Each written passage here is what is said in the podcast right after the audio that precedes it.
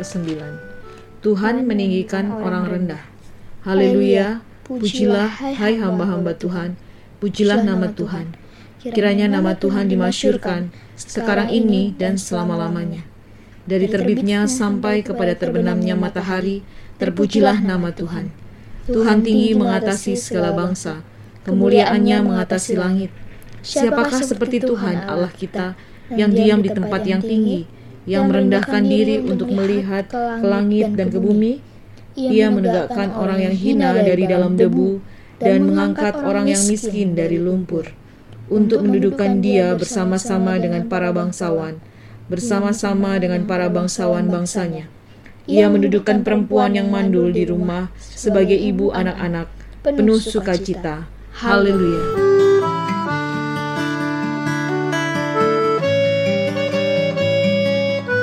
Mazmur 113 adalah satu dari mazmur yang disebut dengan mazmur puji-pujian atau mazmur haleluya.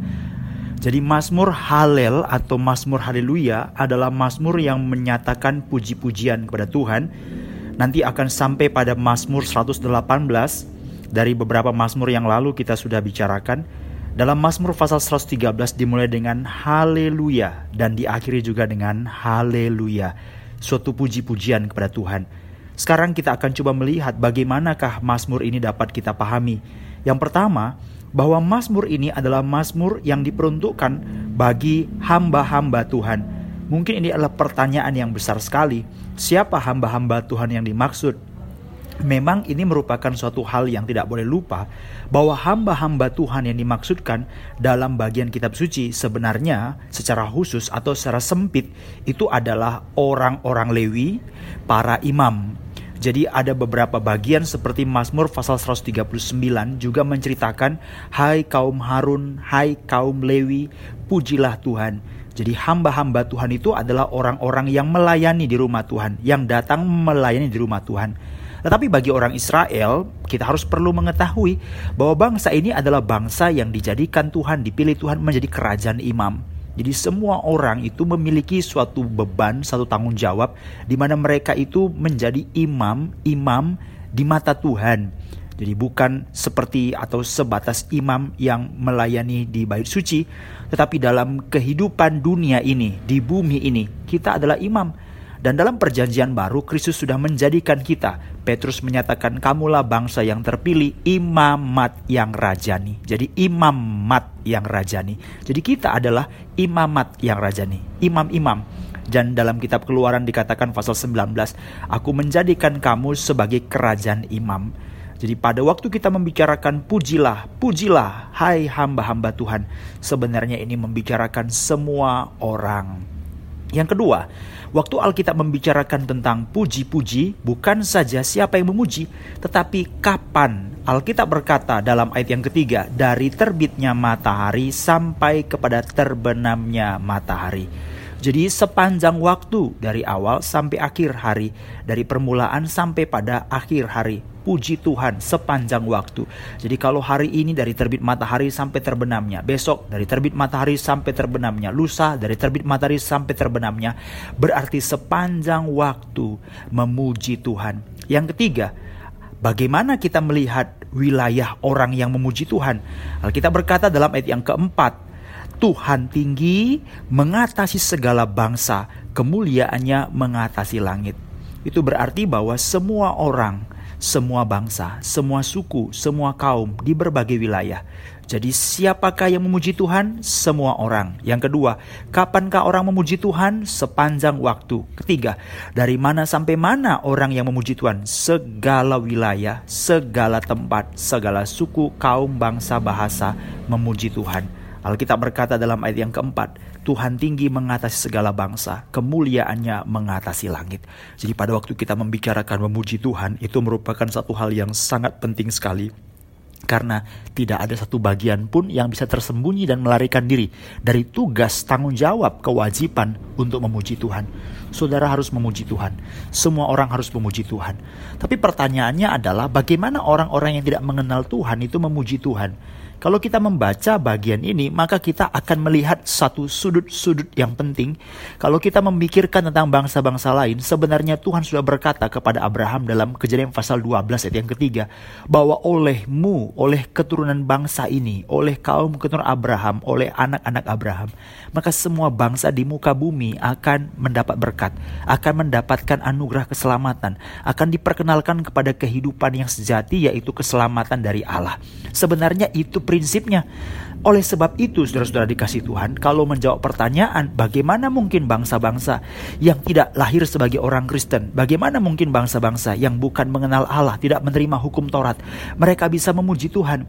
Maka Alkitab memberikan dua contoh, dua gambaran, bahwa ini semata-mata adalah pekerjaan Tuhan. Ada kegagalan dari orang Israel, ada.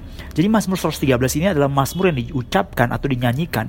Sebenarnya menurut beberapa para penafsir Alkitab, ini adalah Mazmur yang dituliskan setelah mereka itu pulang dari pembuangan. Apa maksudnya?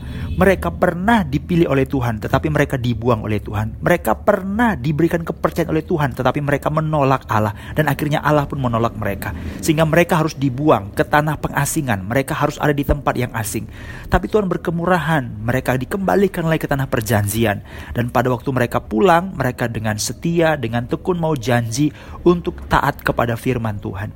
Jadi, pada waktu kita membicarakan Mazmur ini, mereka juga membicarakan bukan saja Kapan memuji Tuhan? Siapa yang memuji Tuhan? Dari mana orang memuji Tuhan? Tapi pertanyaannya, bagaimana orang memuji Tuhan? Dari bangsa ini, dari bangsa Israel. Maka kamu harus menjadi saksi Tuhan Allah. Kamu harus memberitakan kabar keselamatan kepada semua orang tapi kita tidak bisa. Mengapa? Kita lemah. Kita tidak sanggup. Kita pernah dibuang. Kita tidak sanggup. Kita tidak mampu. Kita orang yang hina. Kita orang yang gagal. Kita orang yang mengalami begitu banyak ketidakmampuan-ketidakmampuan. Maka kedaulatan Allah. Allah tetap menjalankan rencananya. Walaupun kamu gagal, tapi aku sudah pilih kamu. Walaupun kamu tidak bisa, tapi aku sudah tetapkan kamu. Supaya lewat kamu, bangsa-bangsa di bumi ini mengenal Tuhan tapi aku gagal Tuhan. Maka Mazmur 113 mengungkapkan dua analogi atau dua contoh, dua model, dua gambaran bagaimana Allah tetap memberikan kepada mereka kemampuan walaupun mereka lemah. Yang pertama, dalam ayat yang kelima, ayat yang keenam, ayat yang ketujuh, ayat yang kedelapan.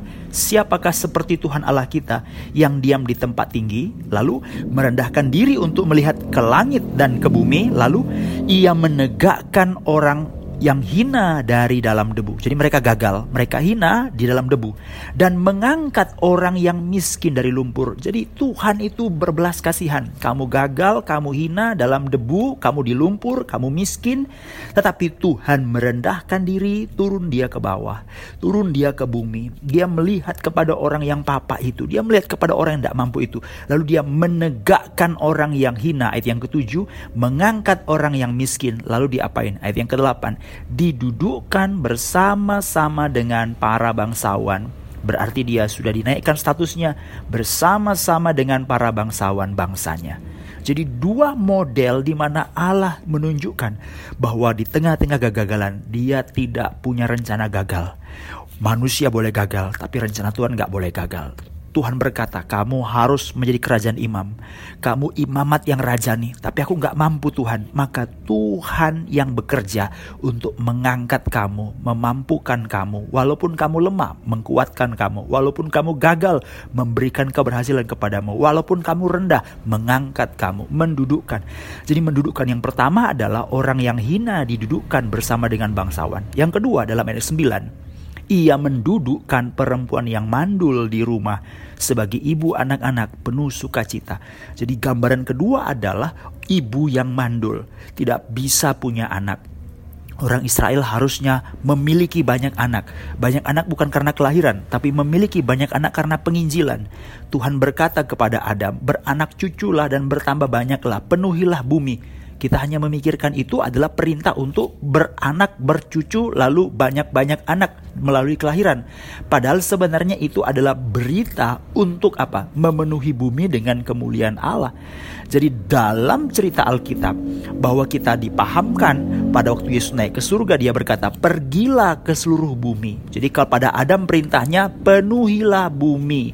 Kalau perintahnya kepada orang-orang percaya pergilah ke seluruh bumi. Kalau di sini beranak cuculah dan bertambah banyaklah. Kalau di sini jadikanlah semua bangsa menjadi muridku. Jadi ini bukan bicara masalah kelahiran, tapi ini bicara masalah penginjilan. Bukan kelahiran jasmani, tapi kelahiran baru. Karena dengan kelahiran baru, maka orang yang bukan anak menjadi anak. Orang yang jauh menjadi dekat. Orang yang memberontak kepada Allah, mereka diterima menjadi keluarga Allah. Jadi ini adalah gambaran Alkitab yang saudara harus lihat secara prinsip total.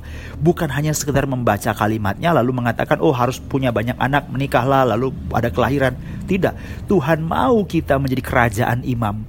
Tuhan mau kita memberitakan supaya semua bangsa suku wilayah dari terbit matahari sampai terbenamnya di semua tempat, di semua wilayah, suku, bangsa, kaum, bahasa boleh datang dan menyembah kepada Allah. Tetapi bagaimana? Gagal. Alkitab berkata, dia yang mendudukkan Tuhan yang berdaulat. Dia memberikan belas kasihan. Itu sebabnya kita bersyukur kepada Allah pada waktu dia memberikan bagian ini. Saudara lihat orang Israel gagal, gagal untuk memberitakan Injil, gagal untuk memberikan keselamatan, gagal untuk menunjukkan kepada dunia, kepada bangsa-bangsa bahwa Allah itu adalah Allah yang benar, Allah yang hidup. Mereka gagal. Lalu bagaimana? Tidak ada cara lain, bukan karena usaha manusia, tetapi karena semata-mata kedaulatan dan pekerjaan Allah. Ayat yang kelima dan enam. Kalau bukan Allah yang merendahkan diri, siapa yang mengangkat kita? Kalau bukan Allah yang merendahkan diri, siapa yang mendudukkan kita? Kalau bukan Allah yang merendahkan diri, siapa yang mengangkat kita dari lumpur, dari dalam debu? Siapa? Kalau bukan karena Allah yang memberikan anak-anak kepada perempuan yang mandul, maka siapa yang memberikan itu sebagai sukacita? Siapa? Tidak ada yang lain, bukan karena usaha manusia. Itu sebabnya saudara-saudara dikasih Tuhan harus ada konsep inkarnasi. Allah menjadi manusia. Kalau bukan Allah, Manusia tidak bisa mendapat keselamatan dengan amal ibadah, korban sedekah, dan segala macam. Tidak bisa. Saudara rajin kebaktian, membayar persembahan, saudara beribadah, saudara melayani, saudara melakukan segala sesuatu. Itu tidak dapat dipakai untuk menjadi alat cara kita diselamatkan. Karena segala perbuatan kita adalah kotor. Segala perbuatan kita telah ditunggangi, disusupi oleh motivasi, keinginan, kemauan duniawi yang kita sendiri pun tidak tahu. Yeremia pasal 17 mengatakan betapa liciknya hati, lebih licik daripada segala sesuatu. Kita merasa apa yang kita lakukan itu benar, tetapi sesungguhnya lihatlah benar atau salah bukan dari manusia, tapi dari firman Tuhan. Itu sebabnya pada waktu renungan kita kemarin kita berkata bahwa bukankah Tuhan mengatakan jangan makan buah pohon tentang pengetahuan baik dan jahat. Itu bukan berarti Tuhan tidak mau anaknya itu tahu mana yang baik, mana yang jahat. Tidak. Tentu dong Tuhan tahu. Tuhan mau karena dia adalah Allah yang baik, dia bukan Allah yang jahat. Tetapi Tuhan mau manusia itu mengerti apa yang baik, apa yang jahat. Memutuskan apa yang baik, apa yang jahat. Bukan dari luar Allah.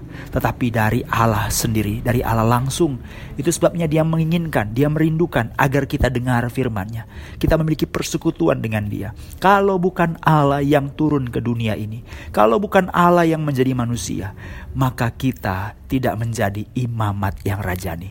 Kita tidak akan diangkat ke dalam kemuliaan. Kita tidak akan dibasuh oleh darah Kristus. Kita tidak akan ditebus dari cara hidup yang sia-sia. Kita tidak dibayar lunas dengan darahnya yang mahal. Kita tidak akan disucikan dengan darahnya, dengan air, dengan roh kudus, dengan firman. Kita tidak akan bisa mengalami kelahiran baru.